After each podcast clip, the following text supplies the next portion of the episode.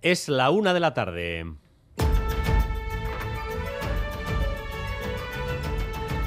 Crónica de Euskadi con Dani Álvarez.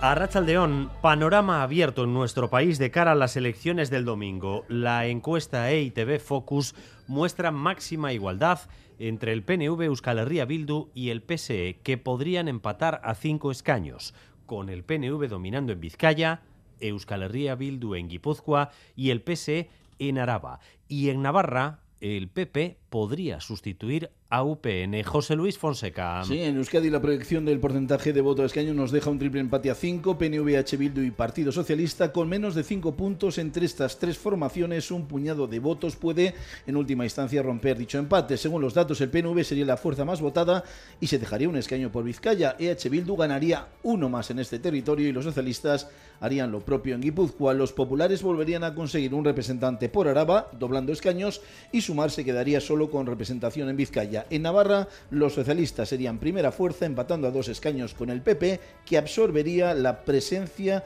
de la coalición Navarra Suma, dejando a UPN fuera del Congreso. Hoy es el último día en el que se pueden publicar encuestas antes de las elecciones generales y acaba de salir un último CIS con igualdad máxima entre bloques. ¿Qué es lo que dice Isaro Bazán?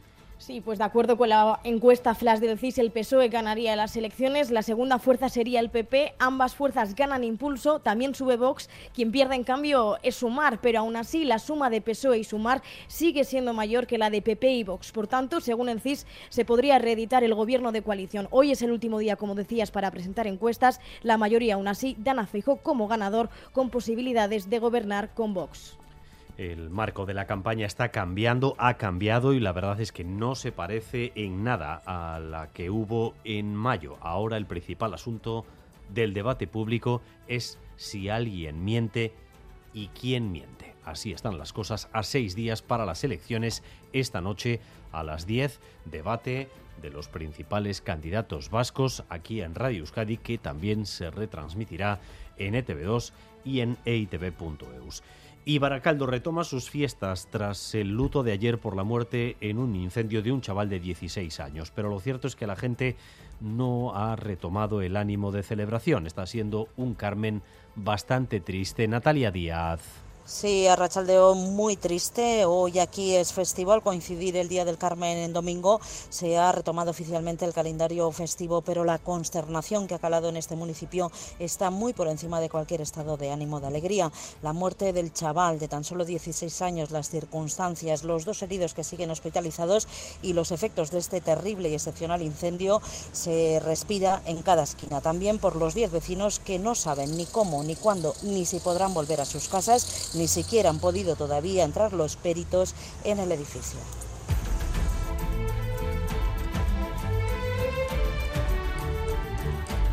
Y antes de que se cierre la legislatura, el Gobierno de España quiere dejar atado el desmantelamiento definitivo de la central nuclear de Garoña. Lo ha autorizado esta mañana.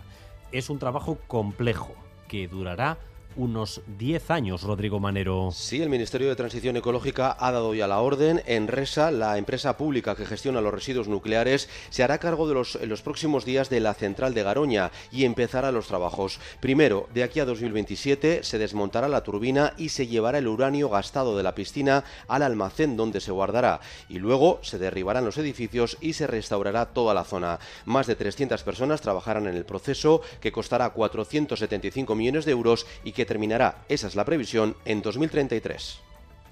Empieza esta noche el Festival Internacional de Folclore de Portugalete. Es un evento que reivindica la diversidad cultural tomando como eje el baile tradicional. Cada noche el Paseo de la Canilla del municipio vizcaíno se engalanará con los ritmos eh, tan dispares de países como Uganda o Indonesia. Irache Santa Coloma, danzari de la compañía organizadora El Ayalay.